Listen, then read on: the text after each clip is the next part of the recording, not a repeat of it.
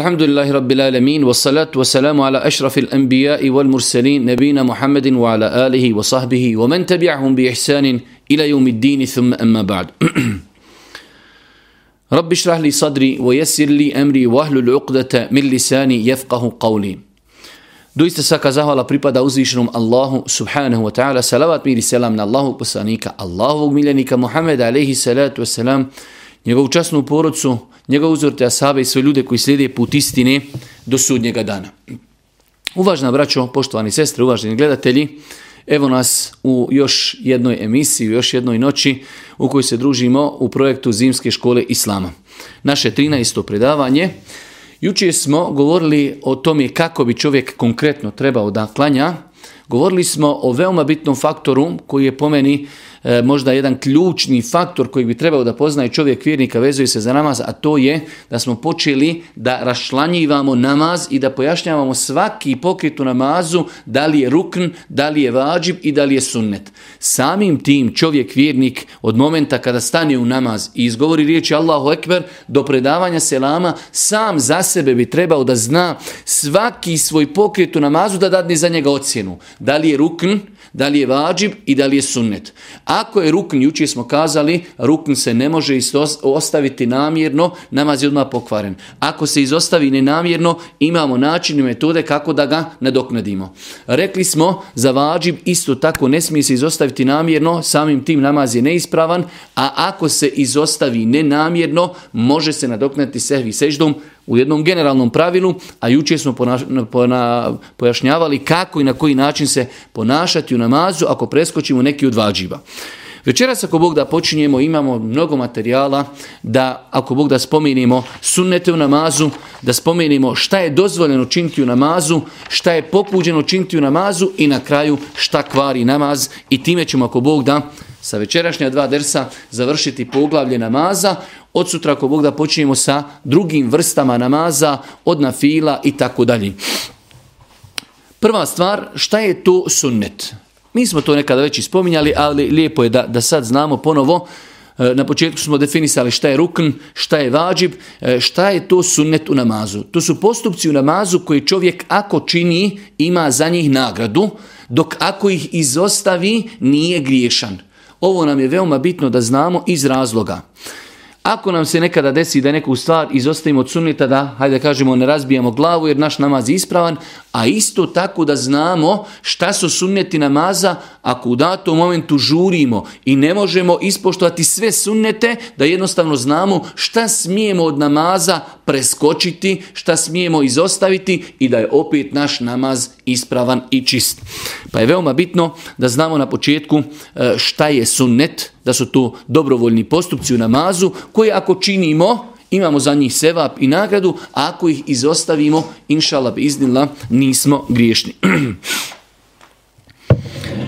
Počinjemo sa nabrajanjem prvi postupak u namazu koji sunet jeste postavljanje, postavljanje sutre, postavljanje perde i o tome smo e, i juče i prekućer govorili, odnosno u prezadnjem dersu smo govorili da je od suneta Eh, Allahu poslanika ali se letu sram kada čovjek klanja, klanjač, da klanja prema nekom predmetu čija visina bi trebala da bude otprilike kao ispravljena ruka, njegova širina nije definisana. Allahu poslanik ali se letu sram kaže kada neko od vas klanja, neka klanja prema sutri i neka ju se približi. Pa čovjek znači treba da pra, pazi da svoj namaz uvijek klanja prema nekom predmetu, može to biti zid, može to biti stolica, može to biti e, stub stup i tako dalje. E, islamski učenjaci kažu da ne treba klanjati prema nekim stvarima koji su šarene, koji su pokrijetu, koji će odlati, odlačiti čovjeku pažnju. Primjer, da čovjek klanja prema televiziji. Na televiziji ima određen program i čovjek klanja prema njemu, definitivno će to dekoncentrisati, dekoncentrisati čovjeka.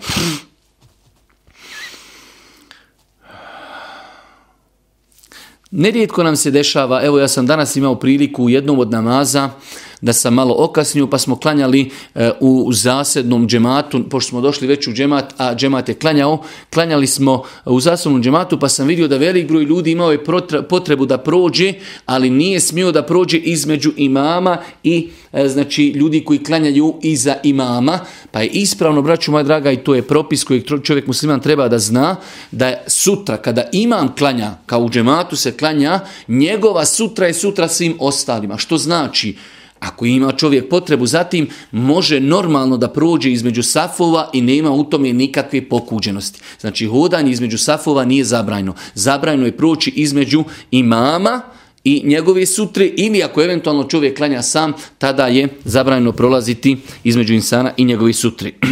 Drugi od sunneta u namazu jeste, jučer smo o tome e, više puta govorili, jeste dizanje ruku u namazu. E, mislim ovdje konkretno dizanje ruku na početku namaza. Znači čovjek kada stane u namaz, prva stvar koju uradi, podigne ruke i kaže Allahu Ekber. Za ovo podizanje ruku vezuju se neke stvari koje bi čovjek trebao da zna. Prva stvar jeste da je to sunnet. Što znači, kada bi čovjek rekao Allahu Ekber i počeo klanjati, njegov namaz je ispravan. Ovo znači dizanje ruku je sunnet i nikada niko od uleme koliko znam nije rekao da je to nešto više od sunneta. Pa prva stvar znači kada bi počeli namaz bez dizanja ruku, samo kao Allahu Ekber, i počeli klanjati, naš namaz je, ako Bog da, ispravan. To je prva stvar. Druga stvar, E, vidimo na početku namaza svi učenjaci su složni da se tada dižu ruke. Nakon toga dolazi do razilažanja među islamskim učenjacima da li se u namazu i nakon toga ponekada dižu ruke ili ne. Pa većina islamskih učenjaka je smatrala da se ruke dižu prilikom početnog tekbira, prilikom odlaska na ruku, prilikom povratka sa rukua i prilikom ustajanja sa drugog rekiata, sa etehijatu, kada se ustane na treći rekiat, ponovo se ruke dižu, identično onako kako se dizale na, na početku namaza. Velika većina islamskih učenjaka smatrala da se ruke u namazu dižu na četiri mjesta koja smo spomenuli na početnom tekbiru, prilikom svakog odlaska na ruku, prilikom povratka sa svakog rukua i prilikom ustajanja sa, trećeg, e, sa drugog rekiata na treći rekiat. U hadisma koji bilježi Buharija i Muslim od Ibn Omara stoji da je Allah poslanik ili se letu selam na ova tri mjesta dizao ruke u namazu. E, Hanefijska pravna škola je stava da se ruke u namazu dižu samo kod početnog tekbira i to pitanje nikako ne smije da bude kamen spoticanja među muslimanima. Oni muslimani koji smatraju da je dizanje ruku sunet, neka dižu ruke. Oni koji smatraju da dizanje ruku e, u namazu nije sunet, neka ne dižu ruke i niko ne smije nikoga prezirati zato što neko smatra da je nešto sunet, a neko da smatra da to nije sunet. Ja sam o tome e, više puta govorio, čak sam bio izložen i razno raznim kritikama zbog toga E, snimio sam, hvala Allahu Đelešanhu, mogu se time u jednu ruku i pohvaliti, e, možda čak i da kažem e, od rata, ne znam da je neko profesionalno snimio kako se namazi, klanjaju kompletni namazi, onako kako smo to mi uradili, u tim namazima koji sam ja pojasnio kako se klanja i sabah i podne i kindija i akšam i jacija detaljno, ja nisam dizao ruke iako sam stava kada privatno klanjam kod kuće, dižem ruke, ubjeđenja sam da je sunne dizati ruke u namazu, ali jednostavno znajući da će E, velika šira masa gledati to, ljudi da ne bi bili zbunjeni u džami vidi da Efendija ne diži ruke, ja tu nad videu dižim ruke, ja sam odabrao sebi stav da tu kada sam ljudima pokazivao kako se klanja, nisam želio da dižim ruke, želeći samo da, ajde da kažemo, e, ljudima to bude prihvatljiviji, da ljudi na, na jedan ispravan način, inšala, nauči klanjati. Tako da, e, dizanje ruku u namazu, nažalost, kamen spoticanja je skoro pa u cijelom islamskom svijetu, a vidimo da je to samo jedan od sunnjeta u namazu, čovjek ako ga ostavi neće biti griješan, ako čini ima sevap, a pogotovo kada je u pitanju da čovjek ostavi dizanje ruku zbog neke veće koristi, zbog muslimanskog bratstva i tako dalje. Rekli smo kada u pitanju e, imamo prvi sunnet, a to je samo dizanje ruku. Nakon toga kakvoća dizanja ruku je također sunnet, da čovjek rekli smo neće skupljati prste, niti će im mnogo širiti, u nekoj normalnoj, normalnoj, znači u normalnoj e, verziji će dignuti ruke. Ruke se dižu u visini ramena ili u visini ušiju. Rekli smo juče ili nećemo to ponavljati, mnogo ne postoji vjerodostojen hadis da je Boži poslanik e, svojim prstima doticao uši. Nakon toga od sunneta namaza jeste kada se ruke podignu namaz, znači, govori se riječ Allahu Ekber, od sunneta da se ruke svežu, pa smo juči o tome kad smo govorili o namazu malo konkretizirali. Imamo znači tri stava da se ruke vezuju ispod pupka, na stomaku i na prsima. Inša Allah bizna bilo gdje da sveže čovjek ruke, njegov namaz je ispravan.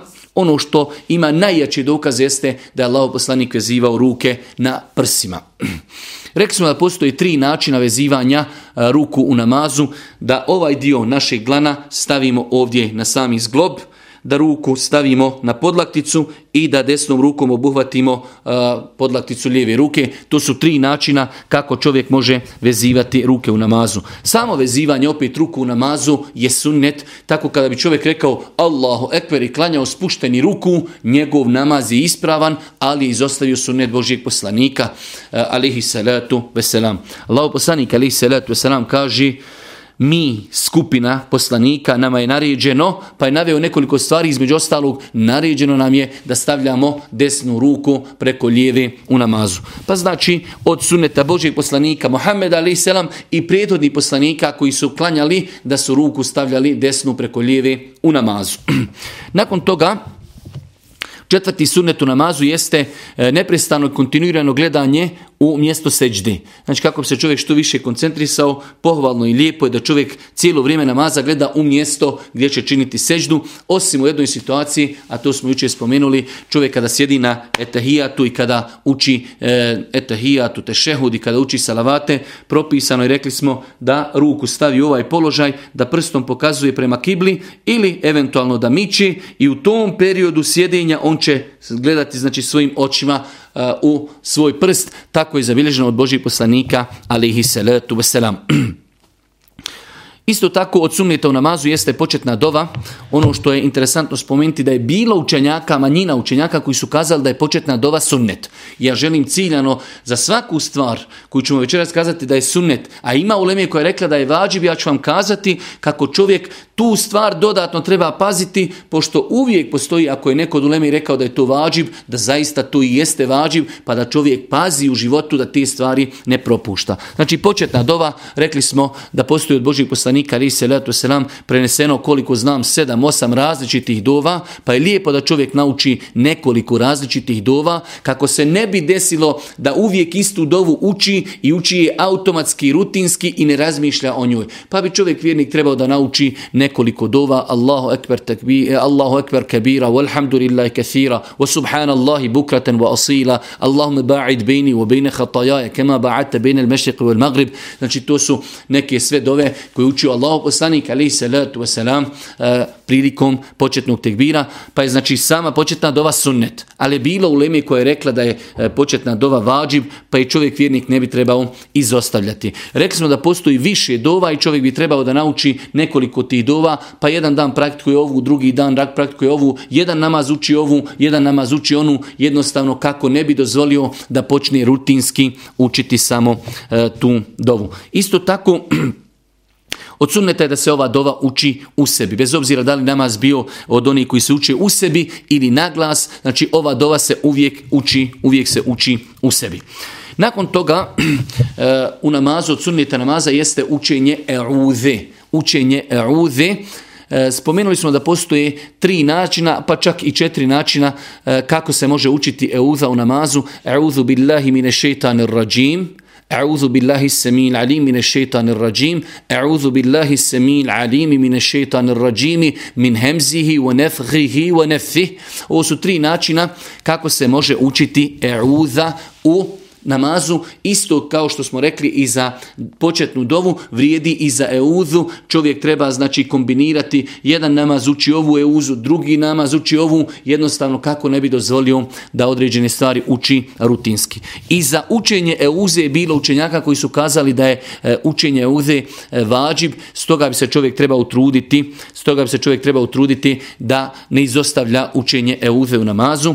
E, Rekli smo na početku namaza, znači treba prušiti jednu euzu i inšala ona je dovoljna za cijeli namaz. Ali ako bi čovjek svaki put kada ustane na novi rekiat, proučio euzu, pa bismilu, pa fatihu, inšala biznila, nije nikako pogriješio. Znači euza je dovoljno jedna na početku namaza, za cijeli namaz. Ali ako bi čovjek i učio euzu, kada god ustane novi rekiat, inšala biznila, nije, nije pogriješio.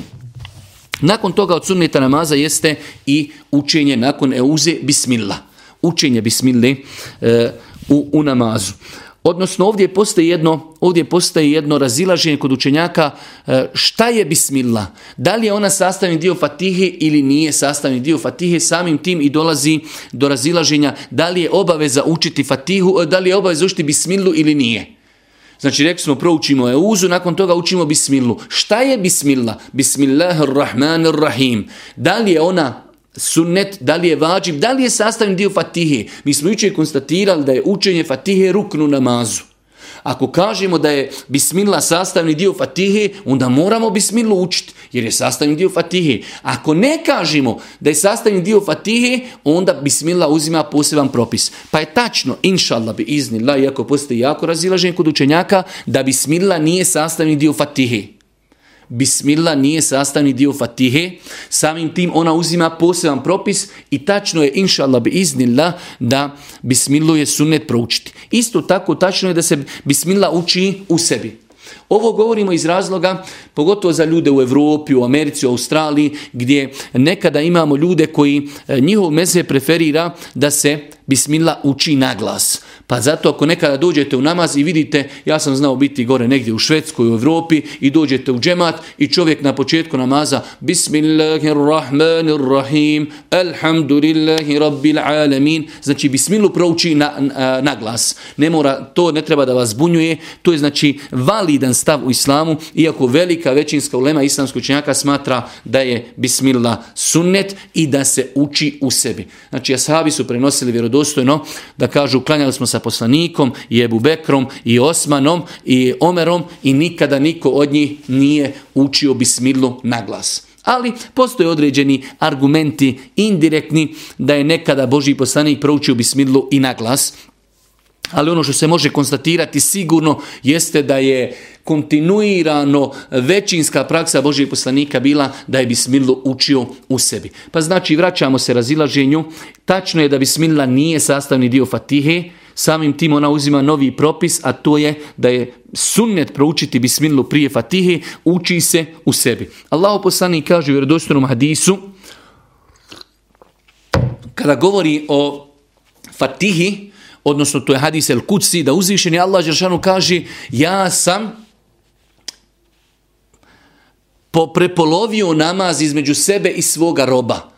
Pa onda kaže, pa kada moj rob kaže Elhamdulillahi Rabbil Alamin, uzvišeni Allah mu kaže, moj rob me hvali. Pa ovdje vidimo da znači uzvišeni Allah s.w.t. u ovom hadisu El Kuciju, kojeg prenosi Boži poslanik, nije rekao pa kada moj rob rekne Bismillahirrahmanirrahim, Elhamdulillahi Rabbil Alemin. Već kaže kada moj rob u namazu kaže Elhamdulillahi Rabbil Alamin. Tako da ovaj hadis i određeni drugi hadisi jasno ukazuju da Bismillah nije sastavni dio Fatihe, samim tim ona uzima novi propis, a to je da je sunnet i lijepo i pohvalno proučiti Bismillah prije Fatihe. Ako se Bismillah ne bi proučila, naš namaz je, inšallah bi iznila validan. Nakon toga eh, od sunneta, eh, od sunneta u namazu jeste eh, glasno izgovaranje amin nakon proučene fatihe, svakako misli se u namazima u kojima se uči fatiha na glas. Generalno znači kada čovjek završi fatihu i kaže gajril magdubi alehim dalin, kaže se uvijek amin. Ako su to namazi koji su uče se u sebi tiho, onda mi kažemo tiho. Ako su to namazi u kojima se uči naglas kao sabah i akšam i jacija, tada je od sunneta da se e, izgovaranje e, amin kaže naglas. Opet se vraćamo po anefijskom mezhebu, izgovaranje amin se ne izgovara na glas, ali postoji velika grupa islamskih učenjaka koji su smatrali da se amin izgovara na glas. Oni tu u svoju tvrdnju su argumentovali jasnim hadisima Božijeg poslanika, ali se letu se nam da je to bila praksa ashaba, da su toliko znali izgovarati amin, da se bukvalno mesčid, znači, ono, hajde da kažemo, tresao od toga koliko su glasno izgovarali amin. S druge strane, kaže Allah poslanik u hadisu, koji bilži i Buharija i muslim, iza emmenel iman, imamu fe emminu. Kada imam kaže amin i vi kažite amin. Kada imam kaže amin i vi kažete amin, onaj čiji izgovaranje amin se potrefi i podudari sa izgovorom meleka amin, bit ćemo oprošteni grijesi. Pa inšala biznila, i ovo samo jedan od sunneta u namazu. E, čovjek, znači, e, ja sam više puta govorio, ako bi se našao u džami gdje niko ne zna za taj sunnet i njegovo izgovaranje amin, ako bi iritiralo ljude i provociralo u datom momentu, možda nema nikakve smetnje da čovjek i izostavi taj sunnet, ali je nama bitno da znamo šta je sunnet, šta je potvrđeno u hadisma Božih poslanika, kada budemo klanjali sami ili kada klanjamo u džematu gdje ljudi znaju za taj sunnet, da možemo prakticirati taj sunnet. Isto tako, rekli smo da je ruku, odlazak na ruku je rukn bez kojeg nema nikako namaza ali na ruku imamo e, mnogo stvari koji su sunneti i pohvalni postupci. Pa smo rekli da je sam ruku e, rukn i izgovaranje onoga zikra subhana rabijel azim jednom je vađib, ali izgovoriti dva, tri, četiri, pet ili šest puta je sunnet. Pa prvi sunnet na ruku jeste izgovoriti onaj zikr više od jednom. Jednom nam je vađib, moramo jednom izgovoriti, a sve miše je sunnet. Tako da velik broj ljudi kod nas i ne zna da se može više od tri puta kazati subhana radijel azim. Ako ima vremena, ako klanjamo teraviju, klanjamo noćni namaz, možemo kazati deset puta.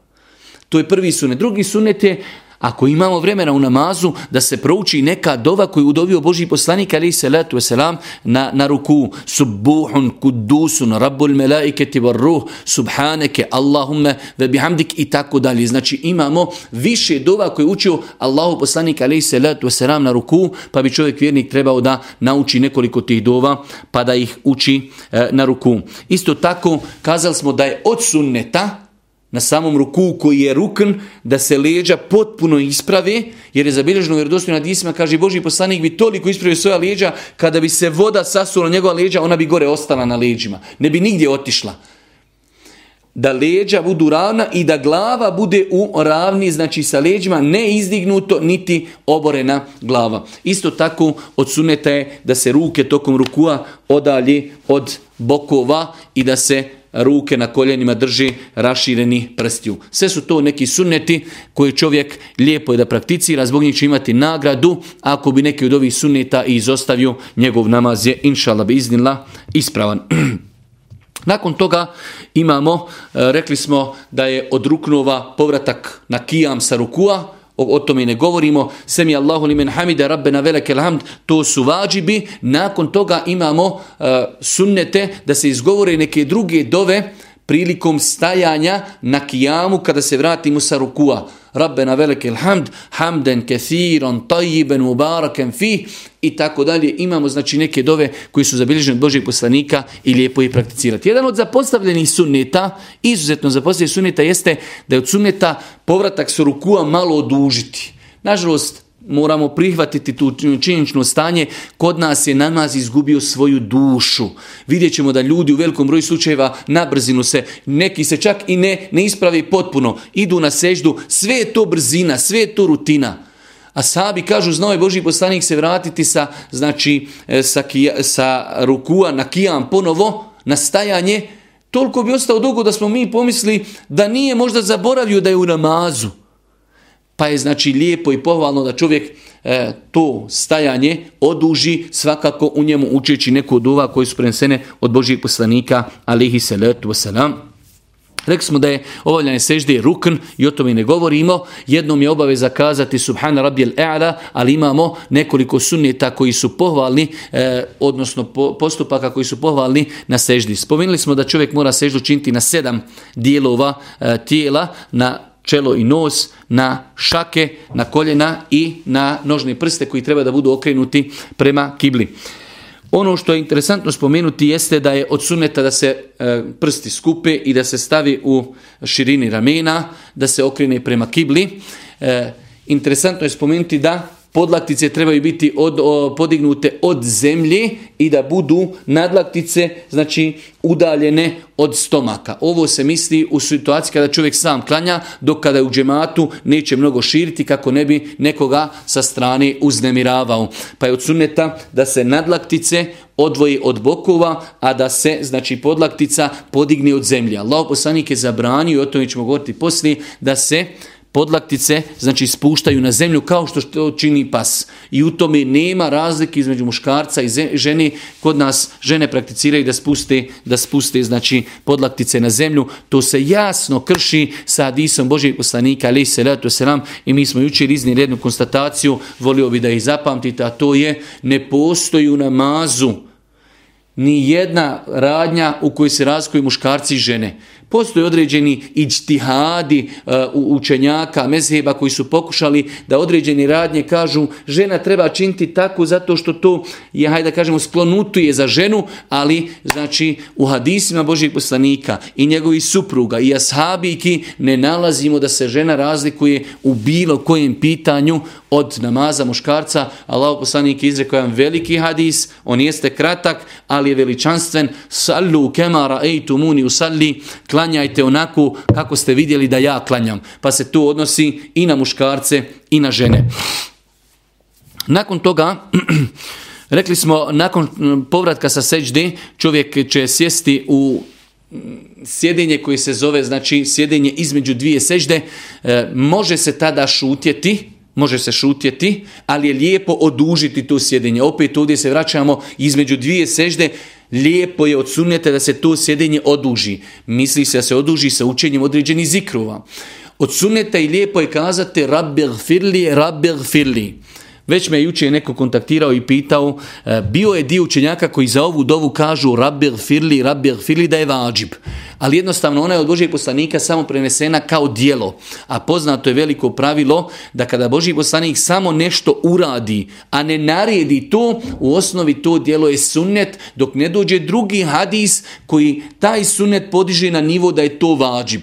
Pa znači u ovom slučaju mi kažemo između dvije sežde kada čovjek sjedne, smiri se, ruke stavi na, na znači stegna, prvo će, prvo će kazati rabbi gfirli, rabbi gfirli i to je sunnet. Po nekim učenjacima to je vađib, ali ne postoji jasan dokaz da je to vađib.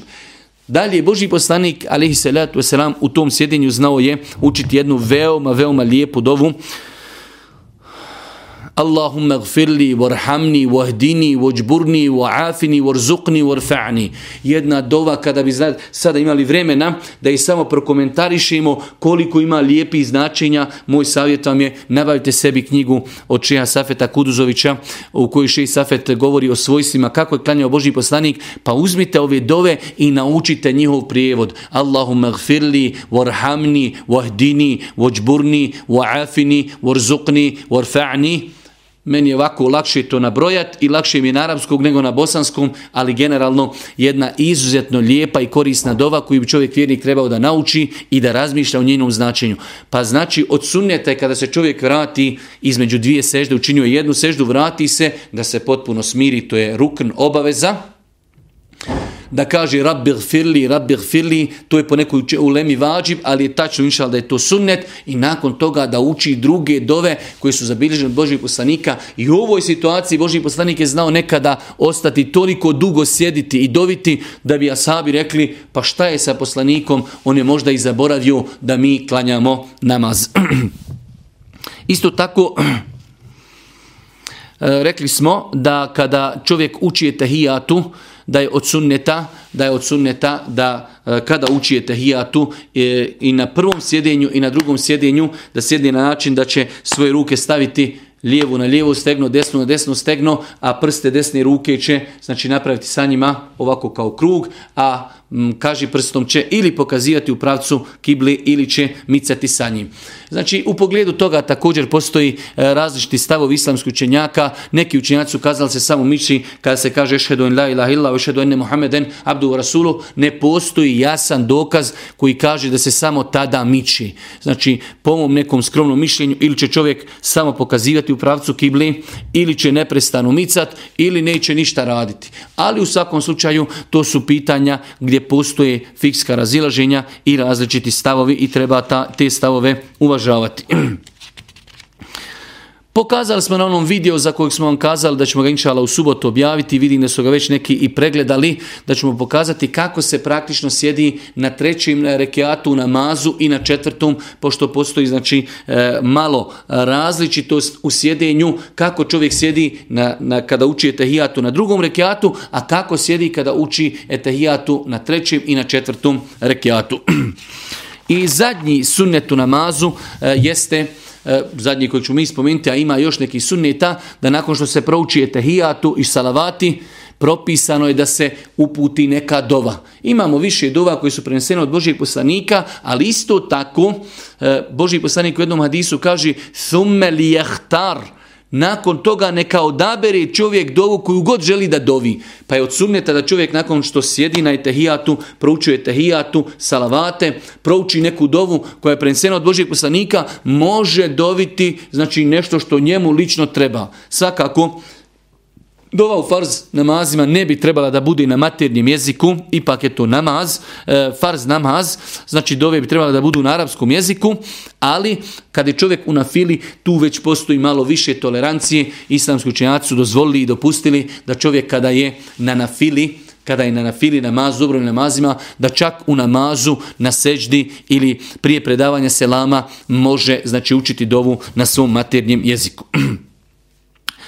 Imamo do kraja inšala predavanja i nadam se da ćemo sve to stići. Imamo oko, oko 16 stvari koje je lijepo da zna čovjek da su dozvoljene u namazu, pogotovo onda kada ima potrebu. Znači mi smo do sad obradili, hvala Allahu Đelešanuhu, veoma bitna poglavlja, obradili smo kako se klanja, šta su to temeljni principi i ruknovi namaza, šta su to vađibi u namazu i šta su to sunneti. Sada u svom namazu trebali bi od momenta kada kažemo Allahu Ekber, do predavanja selama za svaki postupak da imamo ocjenu. I kamo sreće kada bi nam neko napravio te neke lijepo tabele gdje bi nam stavio ruknovi, sunneti, vađibi ili cijeli namaz porijedan, znači od samog početka sa oznakama. Er rukn, v vađib, s sunnet i tako da se naučimo da sutra kada u namazu ili nešto izostavimo ili nešto preskočimo ili žurimo da znamo šta smijemo izostaviti, šta smijemo preskočiti, a šta moramo, e, da kažemo, uprakticirati i kazati. Određene stvari u namazu su dozvoljene, nerijetko nam se da ljudi misli da nisu dozvoljene, tako da je lijepo da se pojasni. Imamo, inša Allah, oko 15-16 tih stvari i pokušat ćemo da ih rezimirano spomenemo bez nekog velikog detaljsanja do kraja našeg ovog predavanja. Prva stvar jeste zabilježeno vjerodostojnim hadisom od Buhari muslima da je Allah poslanik znao klanjati farze i znao je u namazu nositi svoju unuku u mamu. Znači ovaj hadis je e, u jednu ruku veličanstven hadis, pokazuje koliko je bio Boži poslanik dobar pedagog, dobar roditelj, dobar djed, a s druge strane pokazuje da nekada se nama dešava da čovjek u namazu nešto ga srb ne smije se pomakjeti zato što ako se pomakne pokvarće namaz. Allah poslanik je držao svoju unuku cijeli namaz. Pa kaže prenosio hadisa kada bi išao na ruku i na seđdu, on bi je spustio pored sebe, obavio bi ruku, obavio bi seđdu, kada bi krenuo opet bi je uzimao i držao je u naručju i tako je ljudima klanjao u farz namazu. Znači, e, mi ne želimo da ovdje sad od namaza, ne daj Bože, pravimo, e, pravimo igru. Ali nam je bitno, poslanik i njegovi postupci su vjera. Poslanik i njegovi postupci nam definišu kako se mi možemo ponašati. Tako da u slučaju e, sutra majka bude u džamiji, i dijete počne plakati, uznemirava cijeli džemat, dijete se boji, tišina u džamiji, a majka uzme dijete u naručje, ono će ušutit. Nema nikakve smetnje da majka uzme svoje dijete u džamiji i da ne plači i da tako klanja. Ako je majka kod kući, dijete je počelo plakati, kad je počela klanjati, nema smetnje da uzme dijete u naručje i tako klanja. Pa znači dozvoljeno je u namazu, opet ako imamo potrebu da svoje dijete držimo u namazu, inšala to je bila praksa Božijeg poslanika koji bolji od nas u svakom pogledu, on je tako klanjao predvodeći džemat, Hajde da je klanjao sam, pa mi rekli, pa i mi kad klanjamo sami. Ne, Božji poslanik predvodi džemat i nosi svoju unuku, ispusti je, pa kada krene opet je uzme. Vidite koliko je tu pokreta, drži dijete, ali znači e, ovo je jedan od propisa da je dozvoljeno ako čovjek ima zatim potrebu, naveli smo nekoliko primjera kada smo u džematu, nekada braća povedu sa svom dijete, dijete u namazu počne plakati, kada roditelj uzme dijete, dijete ušuti, kada majka uzme dijete, sebi dijete ušuti, kada je majka kod kuće dijete, znači ako plaći, ima pravo da ga uzme i inšala biznila, samim tim ništa nije uradila sporno u namazu. Isto tako, da se desi u datom momentu, da osoba ima potrebu da napravi jedan ili dva koraka e, zbog potrebe u namazu, nema nikakve smetnje. Primjer radi, ljudi su e, klanja čovjek u drugom safu i neko iz prvog safa izišao, počela mu je teč krv ili izgubio abdest. Nema smetnja čovjek uradi dva koraka i da uđe u sljedeći saf. Ili, kao što se desilo Božijem poslaniku, da je neko došao, bila su vrata zatvorena, pa je Božji poslanik napravio dva koraka, otvorio vrata.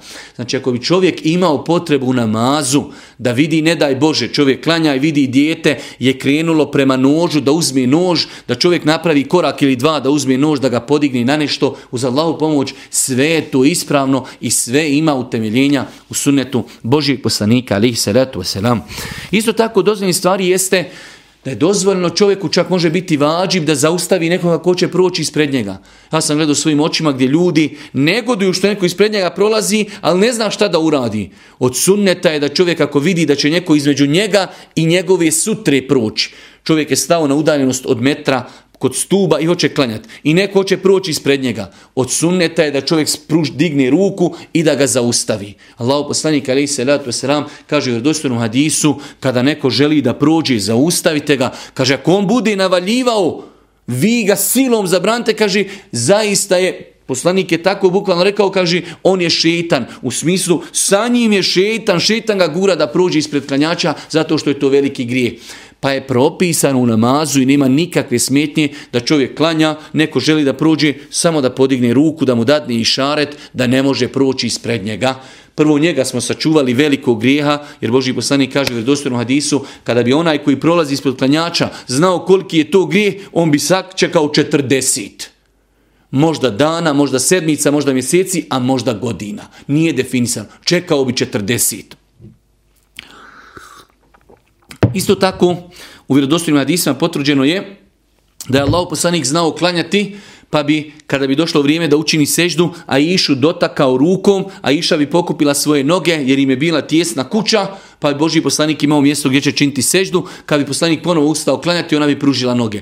Pa je znači u namazu neka mala radnja dozvoljena, do, da primjer radi čovjek ko će da učini seždu, a neko tu dijete se igra, da ga malo pomakne, ili da neku stvar skloni, znači inšala bizna sve te stvari, Pogledajte kako je sunet Božijeg poslanika precizno zabilježen, precizno prenesen, do te mjeri da mi danas možemo iz toga uzimati propise, pa je Božiji poslanik znači znao a išu dotakijeti, hajde da kažemo asocirati joj da, da skloni noge, pa bi ona to i učinila. Pa i mi danas isto tako imamo pravo. Vidjeli smo u vjerodostojnom hadisu da Allah poslanik kada je e, mu Džibril alaih salatu wasalam kazao da ima na papučama nečistoći poslanik je skinuo u namazu. Pa da se nama desi nešto slično, da li na papučama, da se sjetimo da našoj košulji ima nečistoći, da u namazu lagano skinemo košulju, ostavimo i nastavimo klanjati, inšala biznila, sve su te stvari dopuštene i jasno potvrđene sunetom Božih poslanika. Isto tako, e, vi znate da za vrijeme Božijeg poslanika džamije nisu bile zastrte čilimima. Pa jednostavno, e, oni su se prema džamiji odnosili na jedan drugi način kako se mi danas odnosimo. Pa kaže Božih poslanik, ako neko od vas ima potrebu da pljuni, neka ne pljuje ispred sebe, već neka to uradi na lijevu stranu, zato što su ljudi tada, znači bila je to zemlja, ili poznanik je pokazao, uzeo je komac e, platna svoje odjeći, kaže neka to uradi u svoju odjeću i znači tako da uradi. Pa ta čovjek ima, ni zaista se zna čovjeku desiti, da se zakašli, ima problema u namazu, nema problema da čovjek nikakav nije problem, da izvadi maramicu iz usta i da možda pljune u maramicu, da stavi to u džep uz Allahu pomoć e, ili eventualno da ima problem e, sa slinama ili znači nešto slično tome uz Allahu pomoć ti sitni pokreti uopšte ne utječu na validnost namaza. Isto tako od stvari koji su dopuštene u namazu, ako bi se desilo da, da imam koji predvodi ljudi nešto pogriješi, dozvoljeno je ljudima da ga e, popravi ili da mu ukažu na grešku riječima subhanallah, a žene će znači pleskajući rukama samo da bi se dala znači neki znak da je čovjek da je imam pogriješio. Pa je propisano od sunneta ako imam pogriješi da ljudi sugerišu riječima subhanallah samim tim dajući mu do znanja da je nešto pogriješio, a žene će znači e, pleskajući svojim rukama. Isto tako, poslije ćemo govoriti o mekruhu i pokuđenim stvarima u namazu, jeste zakretanje u namazu. Pa je zakretanje u namazu pokuđeno ako nema potrebe. Ako imamo potrebu, zakretanje nije pokuđeno. Pa je znači potvrđeno u više vjerodostojne disa da je znao sam Boži poslanik ali se ratuje se nam klanjati, ali se zakretati očekujući neku vijest koju mu treba da donese nekog koga je poslao u izviđanje i tako dalje. Tako da se desi danas nama da klanjamo, čujemo da je nešto palo, možda djecu imamo u kući, da pogledamo samo da vidimo, da se nije, da ne zaokrećemo tijelo, samo da glavom pogledamo da vidimo u čemu se radi, ne daj Bože ili se razbilo nešto, ako ima stakla, možda ćemo prekinuti namaz da bi djecu upozorili i tako dalje. U svakom slučaju, ako imamo potrebu da zakrenimo se, da nešto pogledamo, to je inšala ispravno, s tim da to zakretanje svedemo na minimum. Isto tako, ako bi čovjek imao potrebu u namazu da nekome nešto išareti rukom ili glavom uz Allahu pomoć, ako ima opet potrebu, to je dozvoljeno. Da nas neko upita samo nešto u namazu, jednostavno ima potrebu, žuri, želi da iziđe iz kuće, e, pita da li si uradio to, da li ti ni klanjaš, samo jesam, nisam, ili eventualno čovjek pokaže rukom na nešto, sve su te stvari dozvoljene. Znači, ashabi su, opet sa Božim poslanikom, ali se letu sram, kada bi ulazili u džamiju, selamili su jedni drugi, eselamu alaikum, čovjek uđe u džamiju i jedan čovjek klanja u džamiji. On najđe pored njega i kaže eselamu alaikum, a ovaj čovjek podigne prst ili podigne ruku i šareti alaikum selam. Znači dozvoljeno čak u namazu, za one ljude koji znaju, mi možemo doći u džamiju, čovjek ne zna i kaže selam alaikum, kaže alaikum selam. Već, znači, ako znamo da čovjek poznaje propise, kada uđemo u džamiju, da poselamimo klanjača, on će nam odgovoriti dizanjem ruke. On će nam odgovoriti dizanjem ruke i to je opet ispravno. Isto tako, desilo se jedne prilike da je Allah poslanik opet, da su njegovi unuci klanjali pored njega, pa kada je otišao na seđdu, jedan od njegovih unuka popio se na Božije poslanika, ali se letu, selam, ono u dječjem tom nekom žargonu, zajahao na Božije poslanika, pa je Boži poslanik opet iz rahmeta i milosti nije tio da prekine to dijete. Nek on igra se na leđima dok hoće. Kad on ode, onda će mu ustati sa seždi. Pa je jedan ashab dosadilo mu dugo na seždi. Šta li je u pitanju? Ustao je da pogleda. Kaže, kad sam pogledao, vidio sam dijete sjedi na leđima Božijeg poslanika, pa sam se, kaže, opet vratio. Tako i danas nama da se desi da vidimo da ima možda odužio više nego što je više nego što je normalno, ono, hajde da kažemo, uobičajno, nije spuno čovjek podigne glavu, može se desiti da je možda imam pao unesist, može se desiti nešto slično, znači nema smetnja. Čovjek ako vidi da je sve normalno, vratit će se na sežnu, kao što se desilo i ovom ashabu. Isto tako dozvoljeno je u toku namaza, kada je u pitanju na fila, da čovjek uči iz mushafa. Ako čovjek hoće da klanja noći namaz malo duži, ne zna mnogo, eh, ne zna mnogo Kur'ana na pamet, na noćnom namazu ili na teraviji namazu, jer mi smo rekli da se teravija namaz može klanjati kod kući.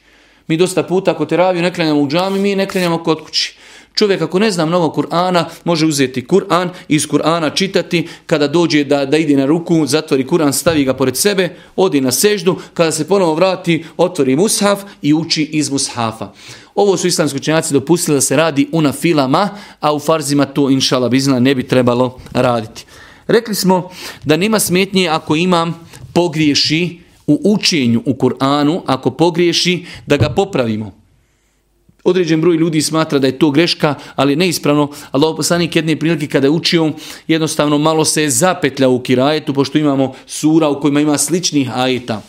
Pa jedan asab koji je bio poznat e, po svom kvalitetnom kirajetu i učenju Božih poslanik kada se okrenuo nakon namaza, vidio ga da klanja pa kaže pa zašto? Pa zašto nisi reagirao? Vidio si da sam imao problema sa kirajetom. Znači, inšala bizna, dozvoljeno ako vidimo da imam uči i jednostavno zbunio se. Ne može završiti suru. Očekuje da mu neko kaže, a mi znamo tu suru na pamet, da mu samo kratko taj ajet citiramo gdje on, hajde da kažemo, ima problem kako bi on znao nastaviti da uči.